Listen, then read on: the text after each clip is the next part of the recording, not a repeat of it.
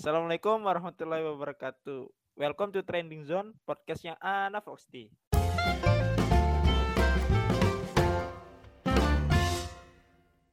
Jadi pada episode pertama Trending Zone ini, semoga kalian menikmati dan memahami dari podcast kami bawakan ini tentu saja seperti judulnya kami membawakan tema yang trending-trendingnya. Jadi yuk simak dan dengarkan. Hari ini kita kedatangan narasumber dari kakak Posti nih. Siapa tuh? Yaitu ada Mas Alfian dan Mas Fadli. Halo. Halo Mas. Halo Mas. Selamat malam Mas. Bagaimana kabarnya nih? Baik, alhamdulillah. Nah, kalau Mas Alfian gimana Mas? Kabar ya? Nah, Hmm, ya gini gini aja. Saya masih masih clean. masih stay halal nih Mas ya? Ya masih aman dari sabu-sabu. Iya. Eh, Mantap. Kuliahnya gimana Mas? Mas Fadli, Mas Alfian? Masih online. Baik-baik saja. Masih online aja nih ya? iya. Namanya juga pandemi belum berakhir. Sehingga memaksa kita untuk selalu ada di rumah. Tuh. Tapi kan ini online ya kabar-kabar. Iya. Iya. Eh kok online sih? Offline. Offline. Gimana Mas? Kabar offline senang apa tidak Mas? Ya, ada senangnya, ada tidak senangnya. Senangnya kita bisa bercengkrama satu sama lain, berinteraksi. Nggak senangnya adalah kita was-was apakah COVID ini benar-benar menghilang dari dunia ini. Oh, itu tidak mungkin Mas. Soalnya masih Nah. ada PPKM juga itu ya. Ah, ah, mas. Betul Makanya sekali. pada kesempatan hari ini kita mendatangkan Dokter Tirta. Halo Dokter Tirta. Ya, ada apa? Bagaimana pendapat Anda tentang ini dibolehkannya UMS untuk menjalani kuliah offline? Um, sebenarnya ini tentu saja untuk um, memudahkan juga mem- uh, menyalurkan uh, ilmu dari dosen ke uh, murid-murid ke mahasiswa-mahasiswa walaupun memang resikonya adalah akan terpapar jikalau salah satu dari mereka ada yang terkena COVID-19. Wah, wah, wah. wah, wah. Mantap sekali Pak. Apakah nanti Dokter Tirta akan membuka cabang sus and care di UMS? Um, untuk uh, membuka cabang tentu saja kita harus uh, meminta izin kepada Bapak Wali Kota kita, uh, Bapak Gibran yang terhormat. Um, tentu saja harus ada prosedur-prosedur sehingga uh, pendirian dan juga uh, disahkannya Su and Care itu jadi uh, terrealisasi di kota Solo. Ini podcast. Ini podcast apa ya? Tidak tahu. Kenapa? Kayak cowok ini Oh, beda dari Kok sampai dokter Tirta? Ini melenceng sekali. Jangan gitu guys. apa-apa ini kita diawasi KPI enggak sih? Ya enggak lah Mas. Antar kan Oh, punya. tidak, Mas. Kita Yuk. kan tidak melanggar UU penyiaran. Karena kita tidak nyarin di TV, Mas. Karena pemerintah enggak dengerin podcast. Wah, pantas aja mereka nggak tahu keluhan masyarakat. Iya, Asik. Mas. Anu, Mas, kayaknya itu tidak mendengar, Mas. Ya, begitulah. Mm-mm. Bubarkan saja. kali ini kita mau bahas apa sih? Kali ini Oke. kita bahas apa, Pris? Oke, pada podcast Standing Zone kali ini kita mau bahas yang lagi trending nih. Ah, di Indonesia kita kedatangan kasus baru lagi data breach dari IHAC. Nah, mungkin untuk Mas Alfian atau Mas Fadli bisa dijelaskan sebelumnya apa itu data breach secara umum. Mungkin uh, bisa dimulai dari saudara Alfian dahulu. Ya, kepada saya ganti eh data breach secara umum ya. Yes. Kalau Mas Fadli, data breach artinya apa, Mas? Kan Anda kan internasional, kelas internasional. Um, data Wah. bridge. Itu kalau sebenarnya itu kan terpisahkan dua kata itu. Data Hmm. dan bridge. Data tentu saja kumpulan dari informasi-informasi. Bridge itu adalah percabangan Walaupun secara bahasa Indonesia-nya anehnya dipanggil data bocor. Nah. itu. Itu iya. anehnya. Untuk Nah, itu uh, informasi yang lebih lanjut berarti ini menandakan bahwa suatu data atau privasi itu bocor ke khalayak luar. Dan mungkin uh, untuk saudara Alfian bisa menjelaskan lebih lanjut tentang hal itu. Iya. Aku sebenarnya belum pernah jadi gini. Kadang itu istilah-istilah kayak gitu tuh nggak tak cari artinya. Kadang kan kita mesti kadang punya istilah tertentu yang kita nggak bisa membahasakan sendiri gitu loh. Iya. Kayak data bridge itu. Terus ada yang bilang namanya itu data leak. Sebenarnya kalau bareng-bareng di sini mungkin dari kita mungkin belum mungkin bukan yang expert di bidang cyber security ya tapi kita kacamata kita sebagai orang yang ada di teknik informatika yang mempelajari soal kayak gitu setidaknya kita taunya ya data yang bocor keluar ke publik gitu kan ya gampangnya kan misal Fadli Mas Fadli punya punya data di laptopnya kan Ya, Punya. data di laptopnya nah terus tiba-tiba datanya itu bisa diakses dari luar gitu aku misal aku bisa akses data-data anime-anime Waduh, terus data privasi. Boleh tuh Gitu. anime. Oke, kayak gitu kan. Nah itu kan tag ada ada suatu prosesnya ya. Nah itu yang namanya data bridge. Kalau dari pengetahuan gue ya, jadi data bridge itu ya simpelnya data yang data yang seharusnya nggak bisa diakses oleh publik, data yang bersifat sensitif, tapi bisa diakses oleh publik. Itu. Gitu. Wah, untuk kru sebagai penggunanya itu apa saja ya, Mas? Kerugian Hmm, dari pengguna ya. Pengguna Kerugian. atau korbannya? Oh iya, lebih tepatnya korban sih, Mas. Oke. Atau korbannya tentu saja privasi dia dong. cuman gini aku nggak bisa menyimpulkan ya itu kita yang korban itu tuh yang punya data atau lembaganya. Karena kita mesti kan pas di awal itu ngasih data itu udah memper- mempersetujui kalau sadar. Misal yo Mas Fadli kan punya Google kan akun Google kan atau WhatsApp gitu kan Instagram ya kan? Ya, Nah, pernah nggak baca TOS-nya, term of use-nya di awal, term of service of use yang di awal tuh panjang misalnya yang di skip tuh, ewe panjang di skip uh tentu saja terlewati. terlewati kan karena memang di Indonesia memalas membaca literasinya sangat buruk. Nah itu Saya juga membaca.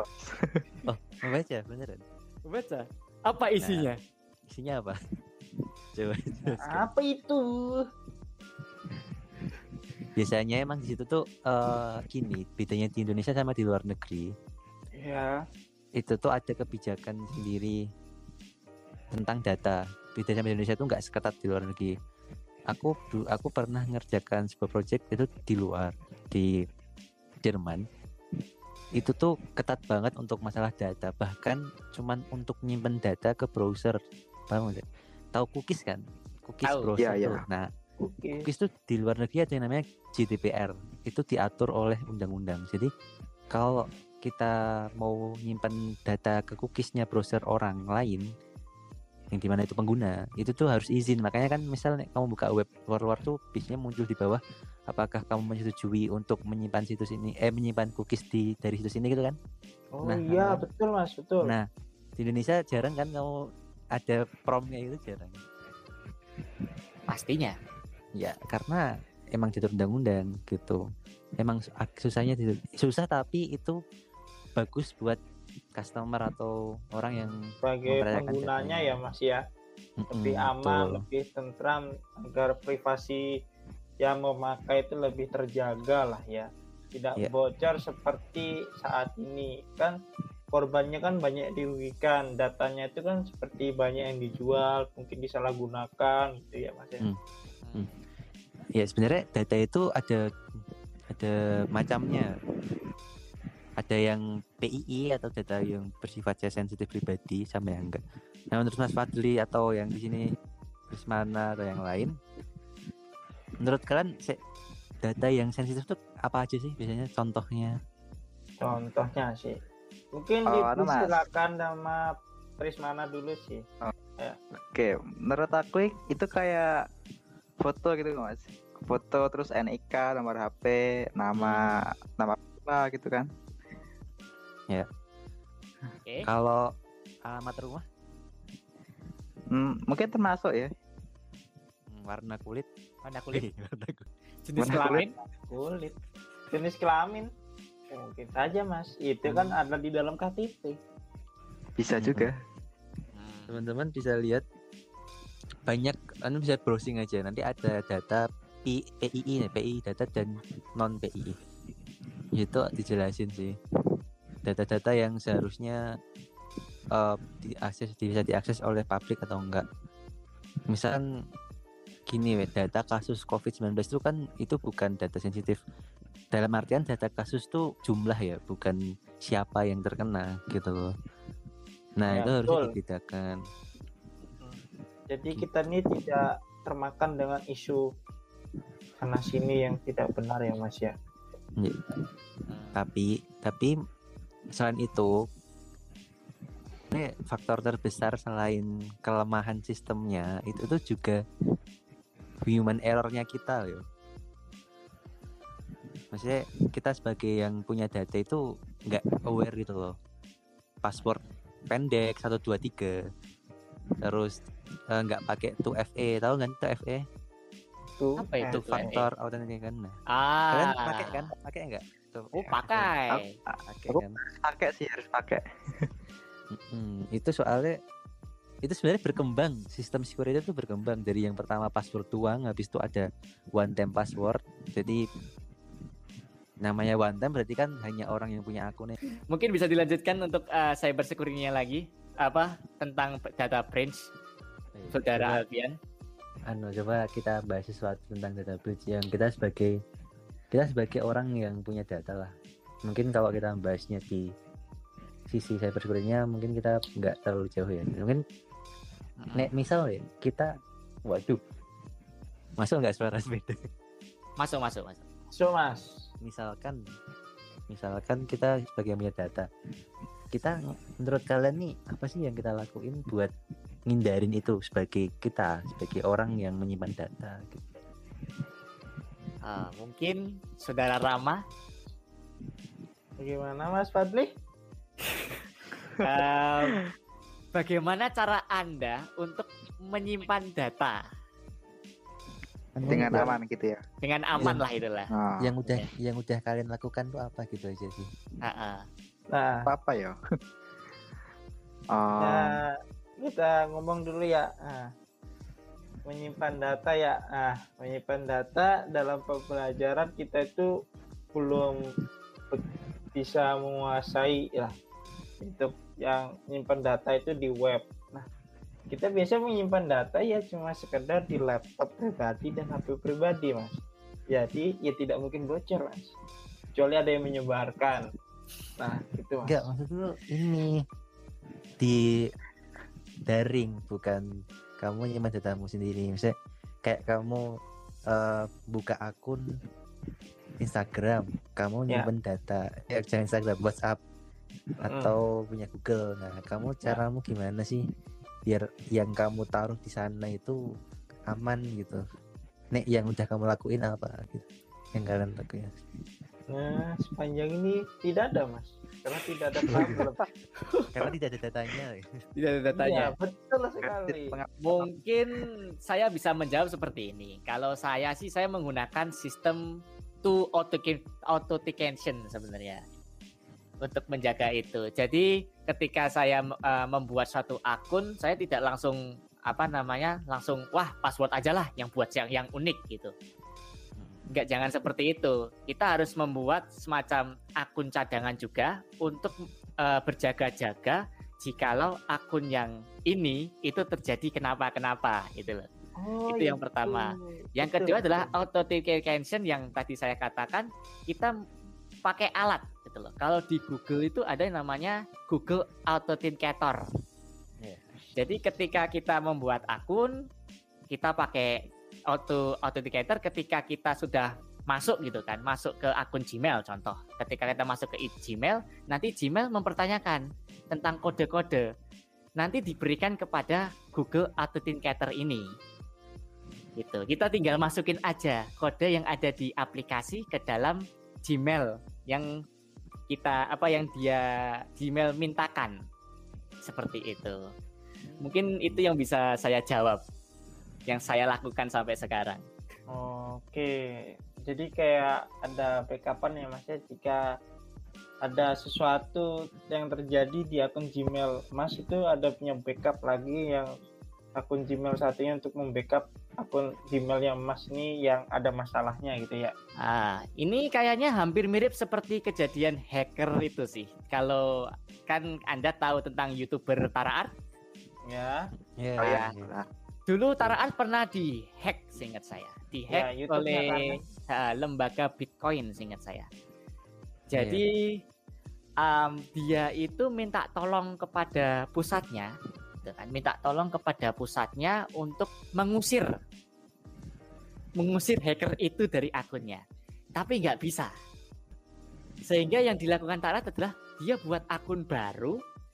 Setelah itu data-data dari akun yang lama dimasukkan ke dalam akun yang baru.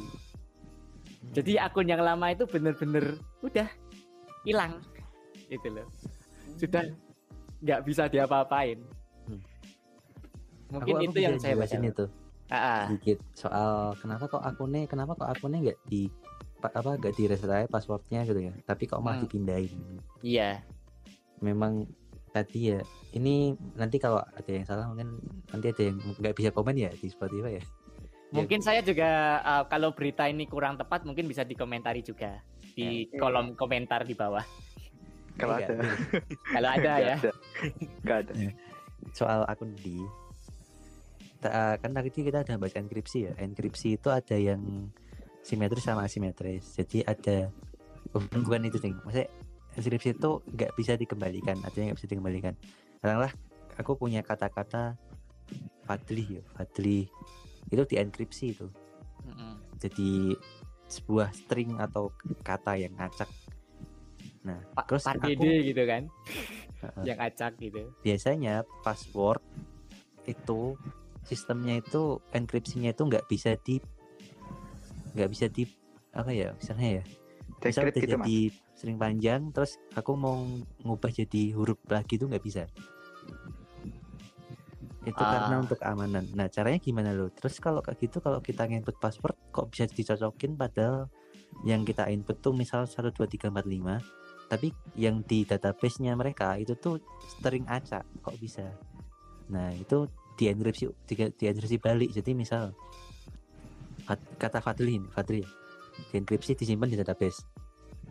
YouTube punya password Fadli tapi dalam bentuk string yang data enkripsi. Nah aku login passwordku Fadli tak tulis Fadli dienkripsi lagi dengan algoritma yang sama baru dicocokin. Makanya kalau kita reset password kita nggak bisa ngecek password kita sebelumnya kita mesti password baru retype password lama gitu kan karena nggak bisa dicek gitu Oh gitu toh. Baru Iya. tahu aku. Tapi seingat saya ada itu ya, ada kode pengkodeannya juga ya untuk inskripsi sama deskripsinya, untuk kode mengaksesnya itu bukannya, Alfian? ya ya ya ya so, tadi yang tak jalan tadi ya ada yang bisa dideskripsi di di decrypt sama yang nggak bisa di decrypt itu ada.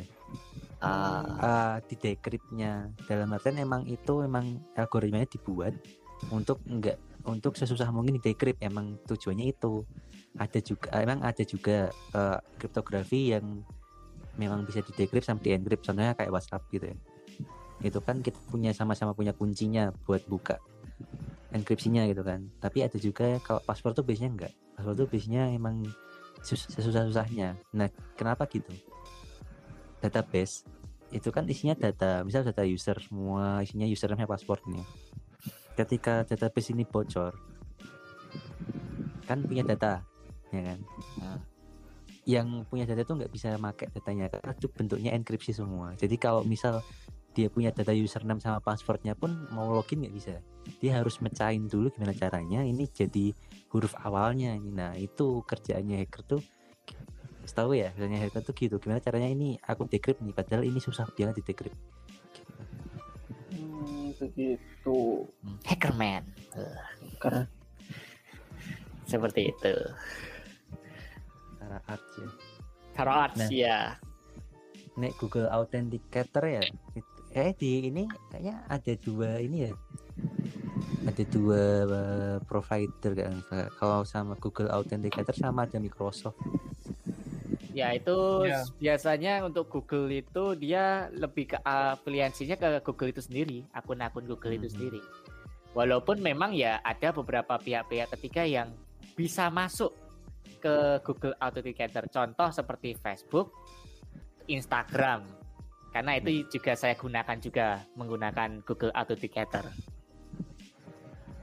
setahuku itu Google Hmm. sistem 2FA kayak gitu itu kan caranya untuk eh, mengelap bukan mengelabui ya, caranya untuk menghindari hack itu bisa masuk itu kan gimana itu kan kita harus masukin kode kode yang di generate yang dibuat oleh aplikasinya itu kita masukkan ke webnya atau aplikasinya gitu kan ya Sebenarnya betul. gitu nah itulah kenapa tapi ini ada titik lemahnya nggak menurut kalian?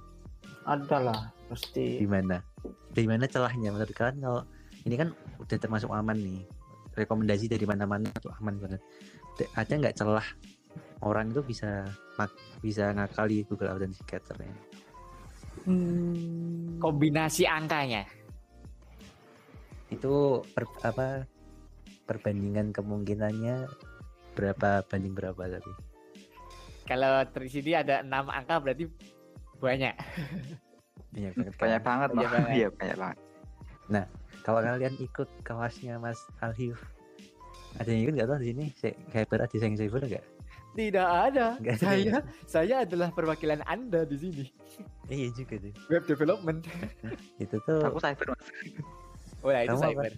Ada yang Cyber. cyber. ada yang cyber ingat materi social engineering ah ya ya ah, ah.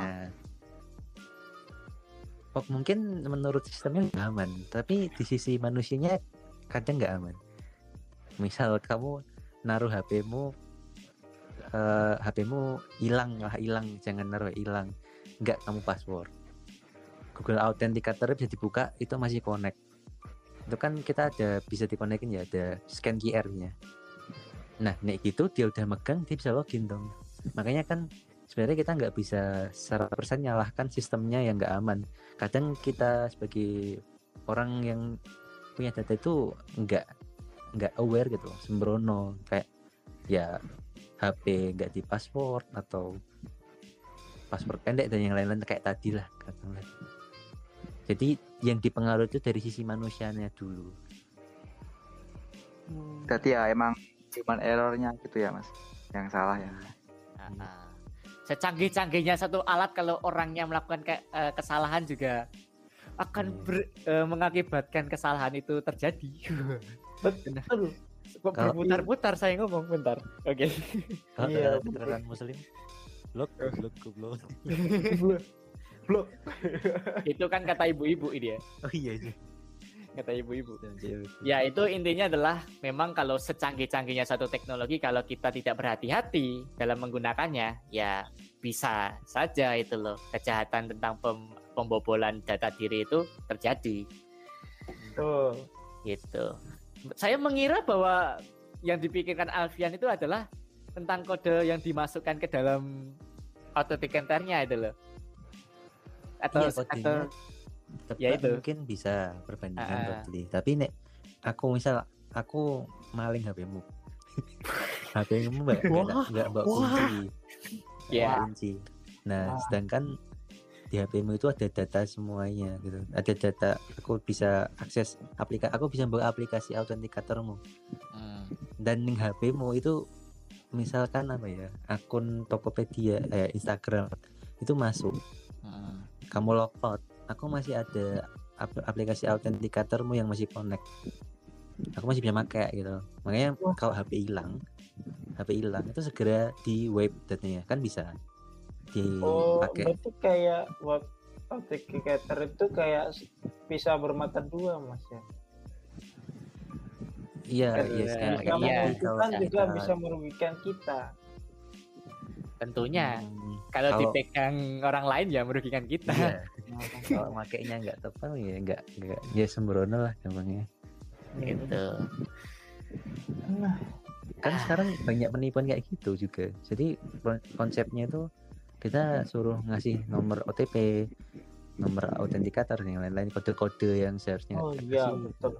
Oh, itu sama dengan yang di Shopee-Shopee itu ya, Tokopedia. Hmm. Heeh. Yang OTP, Apakah itu OTP. penipuan apa tidak mas? Itu itu hanya. Yang mana?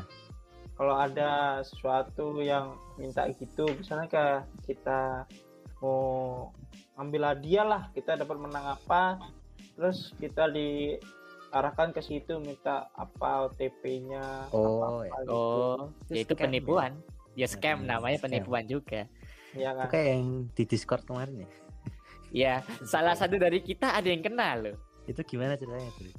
Kalau menurut saya dia ngeklik itu, ngeklik link yang tentang dis apa namanya Discord booster free. Heeh. Ya itu ngeklik itu, link itu. Hmm. Sehingga dia Terus? ketika dia ngeklik otomatis akunnya kena.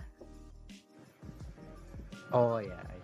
Akunnya kena ciri gitu akunnya kena tuh kayak gimana? Tapi dia di- diminta masukin sesuatu nggak? Nah, username password apa? Kalau menurut saya sih ketika dia sudah nge- ngeklik link itu otomatis dia akan menyebarkan pesan-pesan yang yang seperti itu yang tentang oh kita memberikan suatu hadiah Oh. tentang Discord uh, free booster kayak gitu. Iya. Karena dulu saya juga pernah di Steam. Oh, Hmm. Steam Ballet itu ya. Steam itu pernah dulu. Dulu itu Steam di mana bukan gratisan. Jadi ada orang ngechat saya gitu, ngechat saya ngomong bahwa disuruh untuk mendukung salah satu tim CSGO. Iya, iya, gitu. iya. mendukung CSGO. Ya aku saya menganggap bahwa wah ini orang dukung doang ya, nggak apa-apa lah saya klik linknya gitu kan. Ternyata pak kena hack. Ruginya gimana ruginya? Ruginya itu saya har- untungnya adalah sistem di Steam itu cukup baik. Hmm. Jadi di sana itu dia pakai namanya Steam Guard gitu loh. Oh, Jadi mungkin orang itu bisa ngehack akun saya, tapi dia tidak bisa ngehack Steam Guard saya karena dia di, di HP saya. Sehingga saya Hmm. backup itu saya bersih apa saya gan saya backup, saya matikan semua di semua komputer orang gitu kan yang dia akses juga saya off-kan juga. hmm. Lalu saya ganti password, ganti email juga dan juga saya ganti uh, Steam Guard saya, lebih tepatnya kode yang ada di Steam Guard saya. Akhirnya saya bisa bebas dari jeratan yang ngehack itu betul. Steam. Tapi itu tindakan yang benar kayak gitu, yang kayak dilakukan Fadli itu. Jadi ketika kita tahu kalau kita sedang kena sesuatu yang merugikan ya kayak katakanlah hack, segera mungkin kita gimana caranya pergi dari situ kayak, kayak tadi yang hapus dan yang lain ya Dli. Mm-mm. Sama kayak HP hilang ini juga sebenarnya langsung di web datanya gitu. Jadi semaksimalnya kita langsung amanin gitu. Soalnya kadang gitu merembet. Gmail Merembetnya Gmailnya gitu mas siapa akun media sosialnya semua diusahakan diganti gitu ya. Iya, Iya, saya betul. sarankan semua ganti password kalau untuk kejadian seperti itu. soalnya Hmm. masalah ya kadang passwordnya sama terus dia tiba-tiba masuk gitu kan Iya, itu itu yang saya takutkan sehingga setiap seti- ketika itu terjadi saya sudah mengganti semua password satu persatu dan saya meminta maaf ke 23 teman saya yang ternyata kena juga it- bukan kena, dia mendapatkan pesan yang sama Oh. dengan teman saya berikan. Waduh Iya, itu itu ngeser nggak Mas Fatih? Iya, dia nge-share. Jadi dia jadi teman saya nge-share gitu kan. Tiba-tiba akun saya itu tiba-tiba kayak di remote control gitu loh. Dia Oh. juga nge-share lain gitu loh. Nge-share itu juga kepada temannya.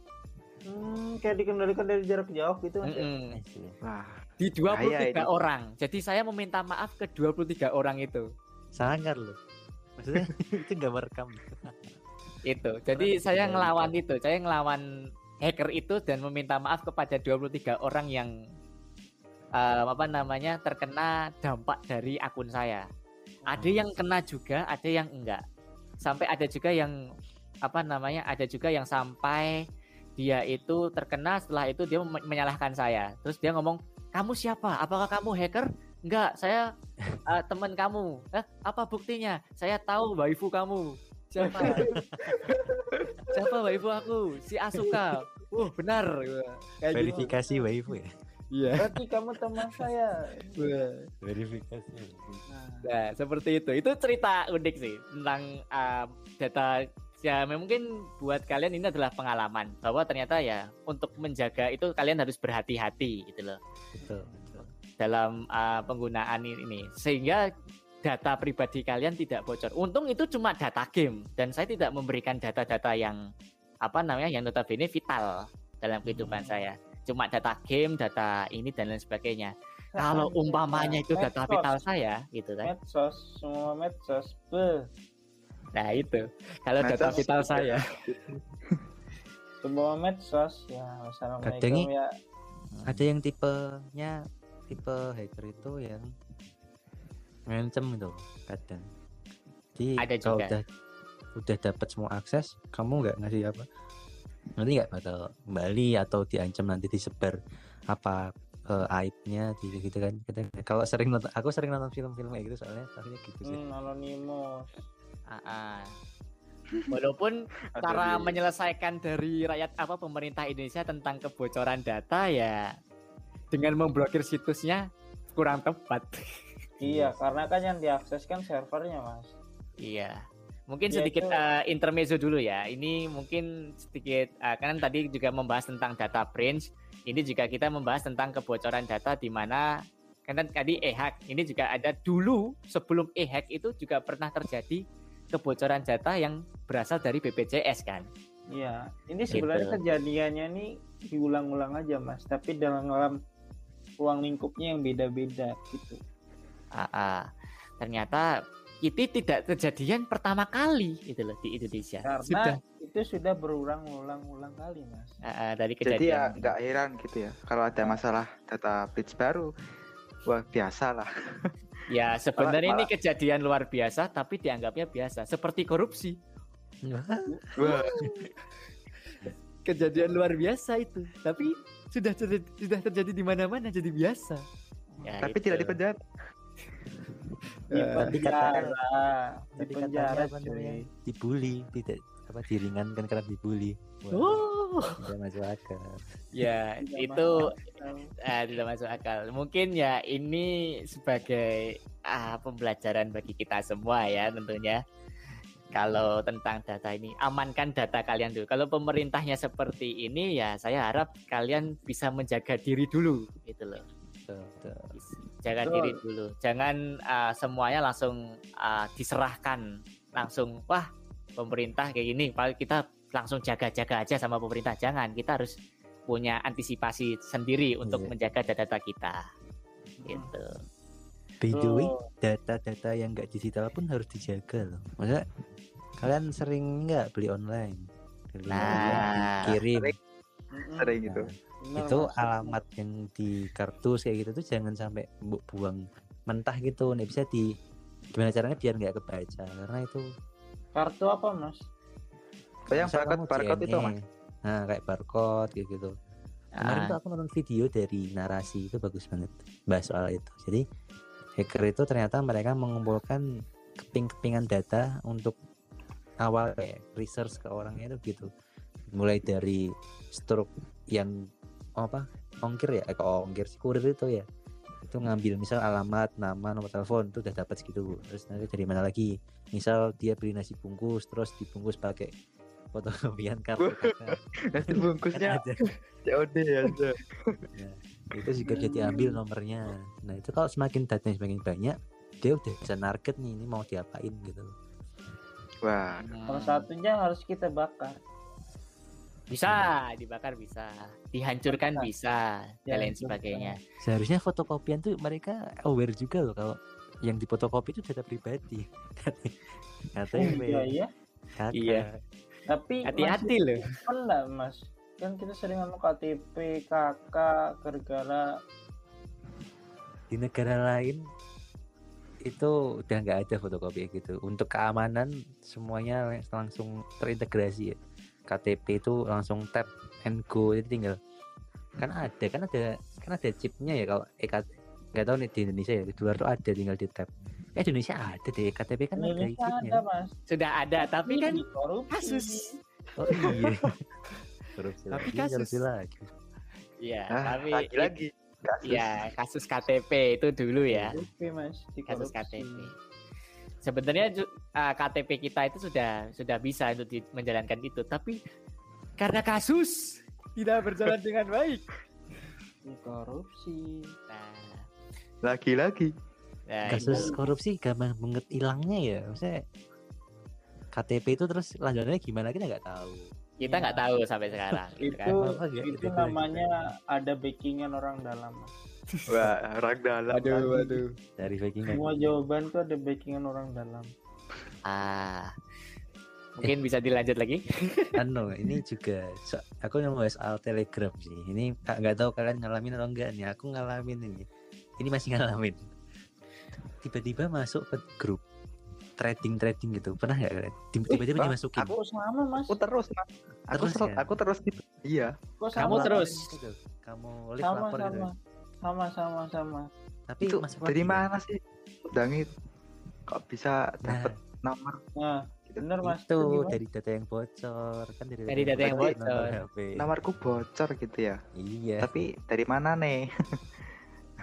Ya, itu mungkin dari ya? data diri tadi, data diri yang bocor, terus dia mencoba untuk mengulik-ngulik. Tentu saja ketika kam- datanya kan tentu saja ada nomor HP kan Hmm. dari opsi itu. Nah, dia gunakan opsi itu buat masukin Anda ke dalam grup Tele. Te- betul. tele.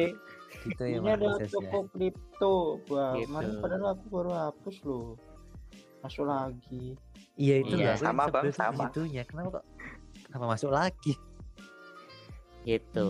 Hmm. Jadi ya ya saya itu berharap patternnya sama patternnya sama. selalu eh, nanti biasanya tuh ya satu juta dapat berapa gitu kan ini dapat berapa gitu Mm-mm. dan aku tuh pernah ngamatin deh kayaknya orangnya ada yang sama deh di grupnya ini kayaknya cuma ganti nama untuk mengikuti Itu dibuat dari mereka nih biar eh, s- kita yang baru supaya percaya gitu, supaya Iya. kita invest di situ. Iya. Habis itu kita kena scam gitu kan. Uang kita Iya. mengucur hilang gitu. nah. Apakah ini bilang pemerintah? ini aku tahu aku tahu ininya kasih aku pernah diceritain jadi ada yang pernah ketipu ini itu kan satu juta dapat berapa gitu kan Hmm. terus berapa dapat berapa nah caranya kita suruh transfer satu juta misal. Terus untungnya satu juta katakanlah untungnya 5 juta nih udah ditransfer satu juta terus ketika dia WA, WA Telegram lagi ini udah nih udah jadi 5 juta. Nah habis itu tapi Mas ini kan karena di awal tuh ada perjanjian kita pembagian tuh kita dapat 20% jadi Mas tolong kirimkan dulu 20% nya ke kita baru kita, baru kita kirimkan eh, labanya ke Masnya. Sumpah kayak gitu beneran. Jadi kita tuh kayak kalau menurut mereka tuh supaya kepercayaan di antara kedua belah pihak terjaga. Ya dari mana terjaganya? Masa kita suruh ngirim dulu baru sisanya dikirim ke kita? Kan nanti dia- Nah. mereka bisa kabur. Betul betul. Itu hampir mirip kayak kejadian simpang pinjan ya. ya iya kayak gitu. soalnya aku pernah gitu mas ketipu juga gitu mas Pinjol. Simpang pinjan. Jadi beli di apa barang gitu loh beli Iya sih. barang harus bayar dulu udah dibayar terus orangnya ngilang mas Oh, kalau itu beda lagi konteksnya tapi Beda ya lagi sih beda. beda lagi itu. Tapi ya keti kasus penipuannya sama, ya, kehilangan uang juga. jadi aku belanja online tuh lewat Tokopedia apa enggak Shopee aja kenapa begitu karena kalau kita beli di Tokopedia apa di Shopee apa di Bukalapak. Kita tuh bayar dulu sebelum barangnya kita sampai uang itu nggak akan nyampe ke penjualnya itu. Nah, jadinya tuh Iya. kayak terkesan lebih aman.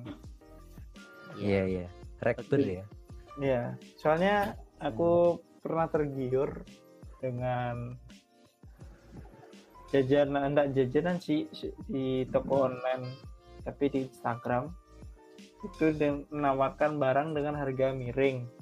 Nah, aku minat nih, mau beli nih.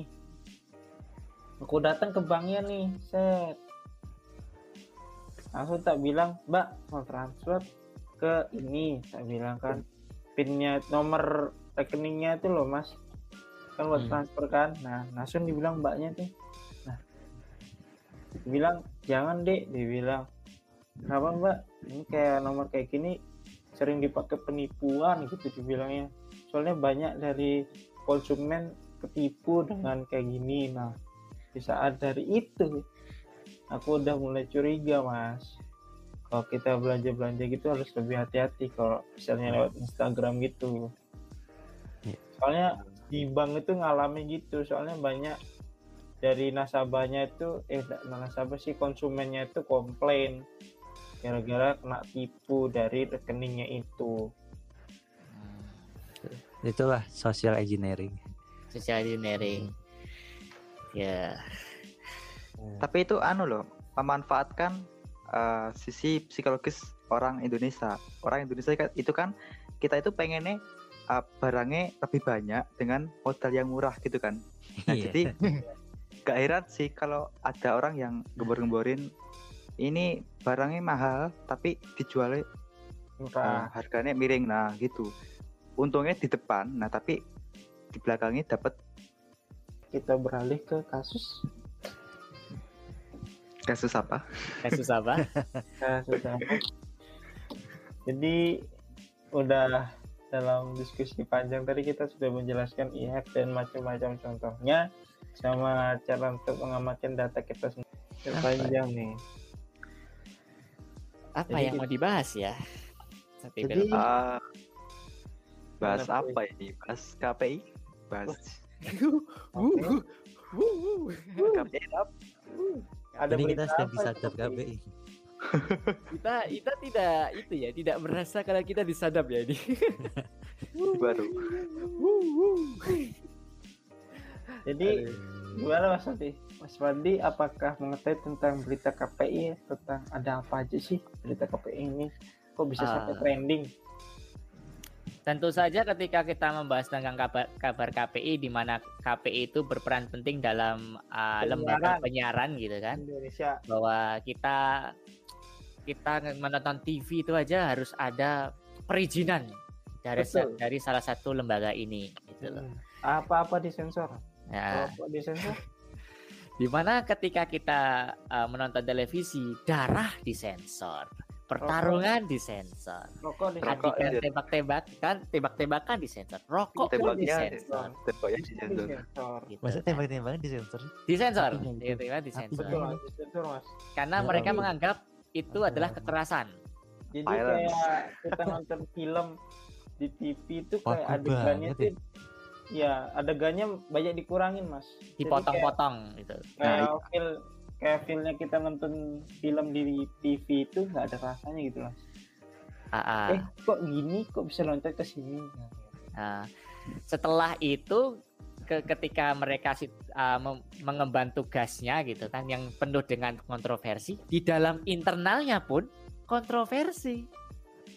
Apa itu mas kontroversinya mas? ternyata di terdapat em, apa namanya anggotanya lah ya saya mendapat kabar Skandal, anggotanya skandal. ada skandal di mana ada skandal asusila gitu. Susila ya mas. iya Hmm. ada skandal asusila di sana Nah yang notabene ya sebagai lembaga yang sensor gitu kan lembaga bergerak yang di penyiaran lah ya. penyiaran yang bertujuan untuk uh, memberikan tayangan yang baik Ya, ternyata di internalnya itu nggak baik Mm-mm. Jadi Gitu. kayak tidak mencerminkan apa yang dilakukan mas ya. Nah, ah. sehingga ya saya harapkan ya ini harus dibenahi gitu lah. atau mungkin ya menurut Deddy Kobuser gitu kan dibubarkan Oh, gitu. Tapi itu- Dibubarkan apa menurut dokter Tita ketuanya harus diturunkan apa disuruh mengundurkan diri? Oh, kalau dokter Tirta itu urusan dokter Tirta bukan urusan saya. saya bukan dokter Tirta. gitu. Mungkin Alfian Aku- bisa menanggapi apa aku, itu? aku nggak tahu sih ini beneran aku nggak tahu secara detail kasusnya gimana aku Mm-mm. cuma tahu kalau Iya KPI ada skandal soal asusila gitu aja aku nggak baik tahu. Gini mas, jadi gue ceritain dulu. Sebenarnya kasus ini sudah lama ya mas, sekitar 8 tahun yang lalu dan itu berada di tahun 2012. Berarti kok 2021 sekarang? 2012 2012. Iya mas, banget. 2012. 9 tahun berarti, Pak. Iya. 9 tahun nggak tahu Kasus gitu. itu udah ada sampai 2012, Sekali gitu. tapi korbannya ini sudah berusaha melaporkan, tapi Oh. tidak digubris dengan pihak kepolisian. Gitu. Ah. Aku masih nggak nyangka itu 2012. Oh, 2012 9 tahun, Pak. Iya. Berarti selama ini penyiaran dipegang oleh iya. Oh. Ya, Mas. Jadi Mungkin begitu. bisa disensor ya mungkin ya yang editor di sini saya tahu disensor itu. sampai Boleh, boleh, boleh. 2015 korbannya ini lagi ngapor ke, pol- ke polisi tapi tidak masih tidak digubris atau tidak ditangani secara hukum gitu loh mas Ah. nah Ini ada kekuatan apa ini? gimana dia masih di dalam. Itu masih di dalam itu ceritanya. Masih jadi anggota anggota. masih mas soalnya dia tuh kayak masih kayak pembulian perundungan selama beberapa tahun itu. Ya. Ya, kok kuat ya? Wow. Nah itu korbannya itu ternyata seorang pria mas dan itu dia tuh dirudung oleh anggota sekitar lima anggota lainnya dari KPI itu sendiri Ah. itu mas Kalau saya sa- cuma dapatnya ya tentang asusila itu sih. Jadi ya Ya. saya tidak tahu lebih lanjut tentang hal itu. Ya, terima kasih sudah memberitahukan tentang hal itu. ini baru terendus sekarang nih mungkin lagi viral itu makanya ba- baru terendus sekarang baru polisi berarti menindaklanjuti gitu. Mm-mm. Tidak lanjuti. Ada yang Nanti- mengatakan ini tertutup kasus Coki Pardede ya menurut Anda? Itu bagaimana itu? Coki Pardede kenapa tuh mas Eh, kasus narkoba katanya. Ah narkoboy. Iya, narkoboy. Kenapa Coki memakai narkoboy mas? Saya kurang tahu. Katanya itu adalah adiktif.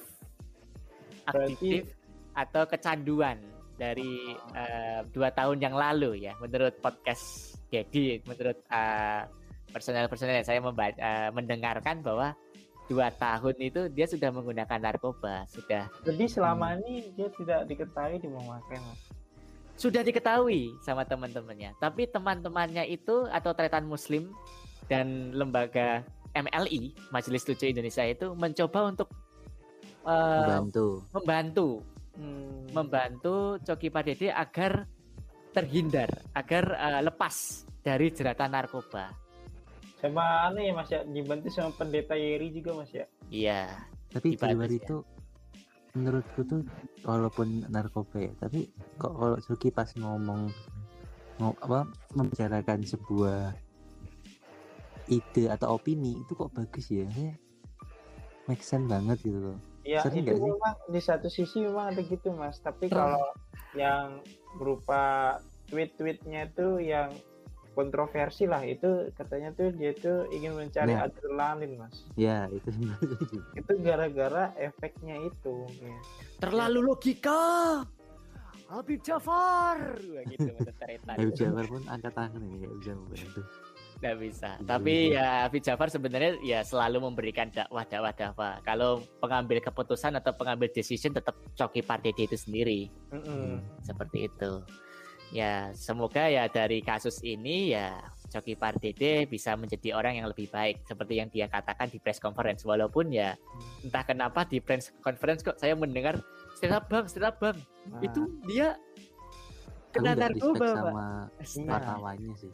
tidak memikirkan lah perasaan orang Nah, lain. itu itu why itu kan dia si Tretan mengatakan why kenapa itu Wah, kenapa Why? dia tidak menonton kondisi ya mas? Eh, eh, kenapa dia tidak menonton kondisi Walaupun dia komedian tetap shock lah masa tiba-tiba seneng Nggak mungkin tiba-tiba stand up aneh banget. Mungkin Eh, eh, dia itu belum tahu Coki itu saat jatuh gimana. Ah, gitu.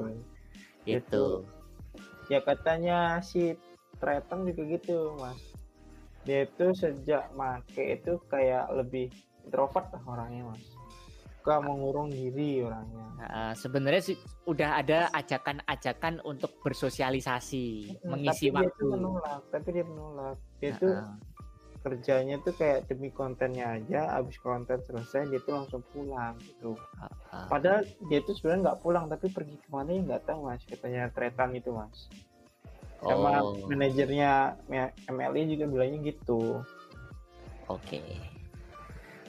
Oke. terus dia tuh baru terbuka sama pendeta Yeri itu loh mas Ah, ah.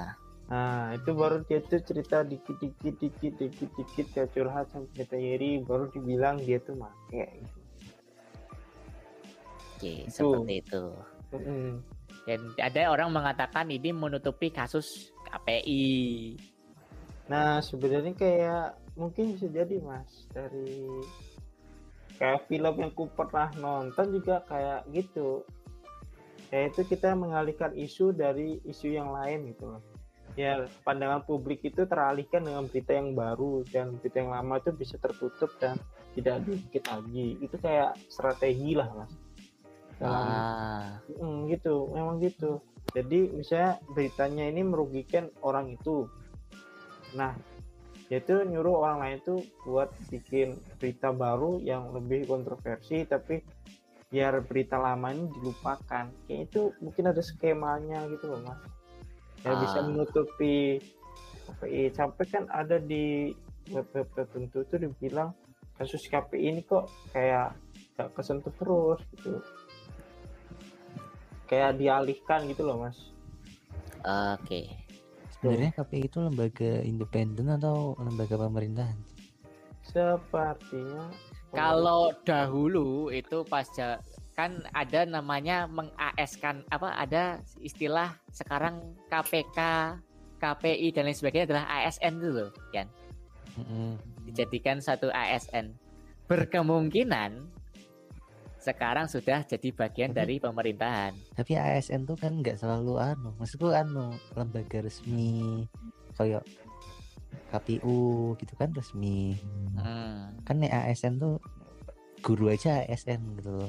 Dia kan juga nggak langsung di bawah pemerintahan gitu. Masa mm, dia itu si KPI ini itu tuh wewenangnya cuman sampai di situ nggak kalau kalau misal dia di bawah pemerintahan ya misal katakanlah di bawah presiden itu kan ada bisa ditindak langsung gitu loh. Tapi kan kayaknya nggak ada tindakan ya belum ada ya? Apa udah ada? Saya kurang tahu, tapi katanya sudah mulai adanya tindakan setelah uh, berita ini meledak ke mana-mana, viral ke mana-mana. Jadi langsung ada tindakan gitu loh dari uh, kepolisian.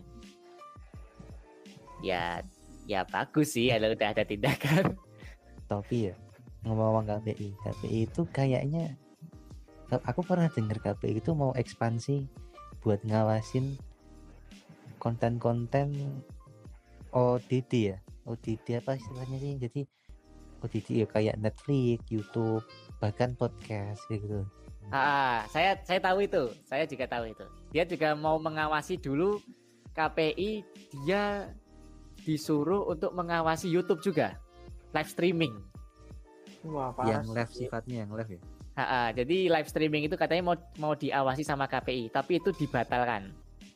Itu gugatannya RCTI kalau masih ingat. iya bener Gugatannya RCTI. Jadi RCTI menggugat kalau KPI harus mengawasi live streaming YouTube. Gitu. Live streaming harus ada perizinan dan lain sebagainya. Langsung orang-orang tidak setuju, orang-orang ini Kominfo juga nggak setuju. Akhirnya gugatan itu di apa namanya dibatalkan sementara. Saya nggak tahu kalau itu dilanjutin atau enggak. Katanya di, dibatalin gitu. Gugatannya Harusnya kalah sih. gitu. lah masa kan gini deh kalau kalau TV itu masih make sense ada KPI karena TV itu nggak kita nggak bisa kontrol ya cuman ganti channel lah maksudku Hmm. nih kayak YouTube kita nonton live streaming YouTube nonton ya pokoknya intinya yang live stream live stream yang kita bisa ngontrol itu kan karena kita punya akunnya gitu. Ya harusnya enggak. Itu kan pilihan kita ya kita bisa nonton sendiri. Orang yang di situ kan mesti udah paham ya aku tonton Hmm. apa betul. kayak gimana. Ya Kalau di TV kan emang- tergantung tontonan kita sem- sendiri mas. Sebenarnya kan tergantung smart people lah smart Ah, people kan dapat menentukan tontonannya sendiri tidak mungkin lah kita nonton yang aneh-aneh kalau tidak di individunya kita sendiri tuh suka gitu Nah, ini sebagai pembelajaran kalau masalah Mm-mm. konten gitu kan. Kalau Ya. konten tuh, kalau Anda menginginkan konten yang baik, ya tontonlah konten yang baik. Ah, yang mengedukasi Hmm. jangan nonton konten yang tidak mengedukasi atau yang tidak baik itu kan tergantung dari diri anda. Kalau kont- kalau kalian nonton yang tidak baik, otomatis algoritmanya tidak baik semua. ya betul kemarin a- di Twitter di Twitter ada ini ada yang rame itu kan KPI ngomong kena orang-orang Indonesia kenapa lebih suka nonton nonton yang tidak berkualitas gitu. Terus di bawahnya ada yang jawab kan kan lo yang ngatur ini. nah make sense sih mas karena gimana ya tontonan kita tuh kayak terlalu terbatasi lah kalau dia anu. Nah itu, kalau masalah Ya. tele pertelevisian ya kalian bisa lihat sendiri lah banyaknya konten di televisi bagaimana gitu kan. Kalian Kalau- TV kapan? Eh, Setahun Olimpiade aja. 2020. Gila, gua ini. Aku terakhir TV kali. kalau ibuku nonton TV mas karena TV itu dikuasai sama ibuku mas Oh, kalau Hmm. saya sih pas nonton itu sih lebih tepatnya sebagai ladang pariwisata untuk daerah Tokyo itu sendiri Hmm. gitu. Itu Setelah menambah Tok- temanku gimana? Di Tokyo nggak terlalu parah. eh. Dia bikin story jalan-jalan terus. siapa Tuh, karena mereka itu uh, pengontrolan disease-nya sangat bagus kayak Eropa. Kita Hmm. yang masih sekali itu ma- masih pakai masker, mereka udah nonton bola di studio. Semua iya yang di luar luar negeri itu mereka udah nonton konser DJ, udah nonton Mm-mm. bola. Iya, Ya Allah kita. Kita pakai masker sebenarnya pakai masker itu nggak ada masalah sih. Yang menjadi masalah itu kan kita nggak bisa bergerak. Masalahnya Iya. itu. Masalahnya kita Bener itu sih. nggak bisa menjalankan roda perekonomian. Ya mobilitasnya terbatas Ah, ah. Kalau pakai masker nggak ada masalah, tapi yang masalah adalah kita dibatasi kan itu sebenarnya pergerakannya. pakai masker sih ada masalahnya mas Apa itu? ada coba mas bayangin kita lari pakai masker mas gimana mas Oh, Tapi itu. sampah-sampah masker lah banyak ya. Mm-mm. Ah. Emang meningkat juga sih itu. Daur ulang. Oh, kalau lari yang pakai masker ampek ya? Mati Iya, mas Nggak bagus sih lari. bisa napas nggak bisa napas ya. Eh, Hmm. itu yang Bisa jadi- kau pakai masker LG itu tau nggak? Oh, yang berat itu toh. Wah, yang mahal. Kenapa kenapa kita pembahasannya ke Tokyo? Dari itu. Um, ya. Tadi sampai mana ya tadi kan KPI ya? Coki. Sampai- Coki. Sampai itu. Olimpiade. Sampai ke Olimpiade. Jauh banget ya kita pembahasannya. Tapi ya memang seperti itu ya. Pembahasannya memang menyambung menyambung. Hmm, sambung Satu sama menyambung lain. satu Kalau menurutku ya segera diselesain aja sih maksudnya. eh, trust isu trustnya kita kan harus dibangun kan udah turun udah jauh udah jelek ya sebenarnya dari sebelumnya masa ditambah jelek lagi gara-gara ini sebenarnya segera diperbaiki Iya, itu diperbaiki. Jadi ya kalau mau ah, kalau ada vaksin ya divaksin. kalau kalau nggak pakai masker ya pakai masker gitu kan. Nggak Nah, usah kalian menuruti konspirasi. Sebenarnya- jiring aja sudah vaksin Ya, Jeris aja sudah vaksin. Apalagi kalian. gitu. tapi Jadi ya ini mas hmm. yang media-media yang tidak bertanggung jawab itu sih mas Oh iya benar juga. Itu benar juga. yang membuat statement orang Indonesia jadi takut vaksin dan membuat konspirasi corona ini Hmm. Tuh. Menjadi titan. Menjadi Jadi- titan. karena ada statement sama konspirasi itu jadinya kan orang Indonesia itu percaya sekali sama namanya konspirasi tapi yang gak masuk akal tuh Ya, itu ya 5G dalam satu sisi sih konspirasi ada yang benar ada yang salah Oke, mungkin mungkin Alfian bisa apa namanya? bisa dilanjutkan dulu. Apa Alfian? Konspirasi. konspirasi loh kalau yang 5G itu yang paling menurutku nggak masuk akal karena masa itu kan kita disuntik gitu loh. terus kok bisa tangan kita ada 5G kok kenapa tanganku jaringannya lebih bagus daripada HP ku HP ku cuma 4G Kenapa Kok tangan- bisa mas Pak, bisa 5G mas. Udah apanya ditaruh emang Maksudnya 5G di tangan itu kayak gimana mas? iya jadi kan itu ada yang konspirasi gitu. Jadi disuntik terus eh, tangan kita itu memancarkan sinyal 5G dan bisa menerima sinyal 5G wah pemikiran kalau kalah sama HP itu sendiri. HP saya aja 4G masih sinyalnya jelek-jelek. makanya paketannya mahal. Betul betul kan di Indonesia sendiri kan belum ada dukungan 5G kan Sebenarnya untuk dukungan 5G itu Indonesia sudah mulai apa namanya sudah ada perizinan sebenarnya. iya tapi kan Sudah ada perizinan. juga, ya ada Sudah sudah mulai sebenarnya. Sudah mulai di beberapa tempat tuh sudah sudah dipasang apa namanya 5G. Jakarta ya. Jakarta Solo kan masuk Solo Solo, Solo dikit. Solo juga Paling dikit sih. Masih, Ya. masih dikit. Ah, ah. di balai kota 5G kita harus ganti HP dulu mas Bertahap. iya. Ya, itu, Mas. Itu, itu betul juga sih. vaksin itu belum masalah yang sangat utama dan juga membebani untuk dalam keadaan seperti ini Tapi kan itu jangka panjang mas. Karena Itu ya, itu itu apa namanya perencanaan jangka panjang sih 5G itu sebenarnya. ini menurut konspirasi ah, yang enggak yang di- kita kira nggak masuk akal nggak masuk akal itu tapi toh nek kita aku bukan yang mendukung ke teori-teori yang soal vaksin ini tapi ada teknologi nek yang tahun-tahun teknologi namanya nanoteknologi nanotek Mm. tau nggak ya, Oh, yang- Iron Man iya tahu. Yang di PMAX itu juga ada. Nah, eh, jadi intinya kita bisa bikin robot yang sangat kecil atau komponen teknologi yang sekecil bahkan itu se bahkan kita nggak apa ya bahkan bisa mengalir di darah gitu loh. Oh udah kayak di film-film itu mas ya? Itu emang udah ada bukan yang di film. Jadi biasanya itu buat ngobatin penyakit dalam. Itu tapi tapi nggak se kayaknya belum secanggih itu ya. Setahu tuh cuman buat ngebunuh sel-sel darah putih.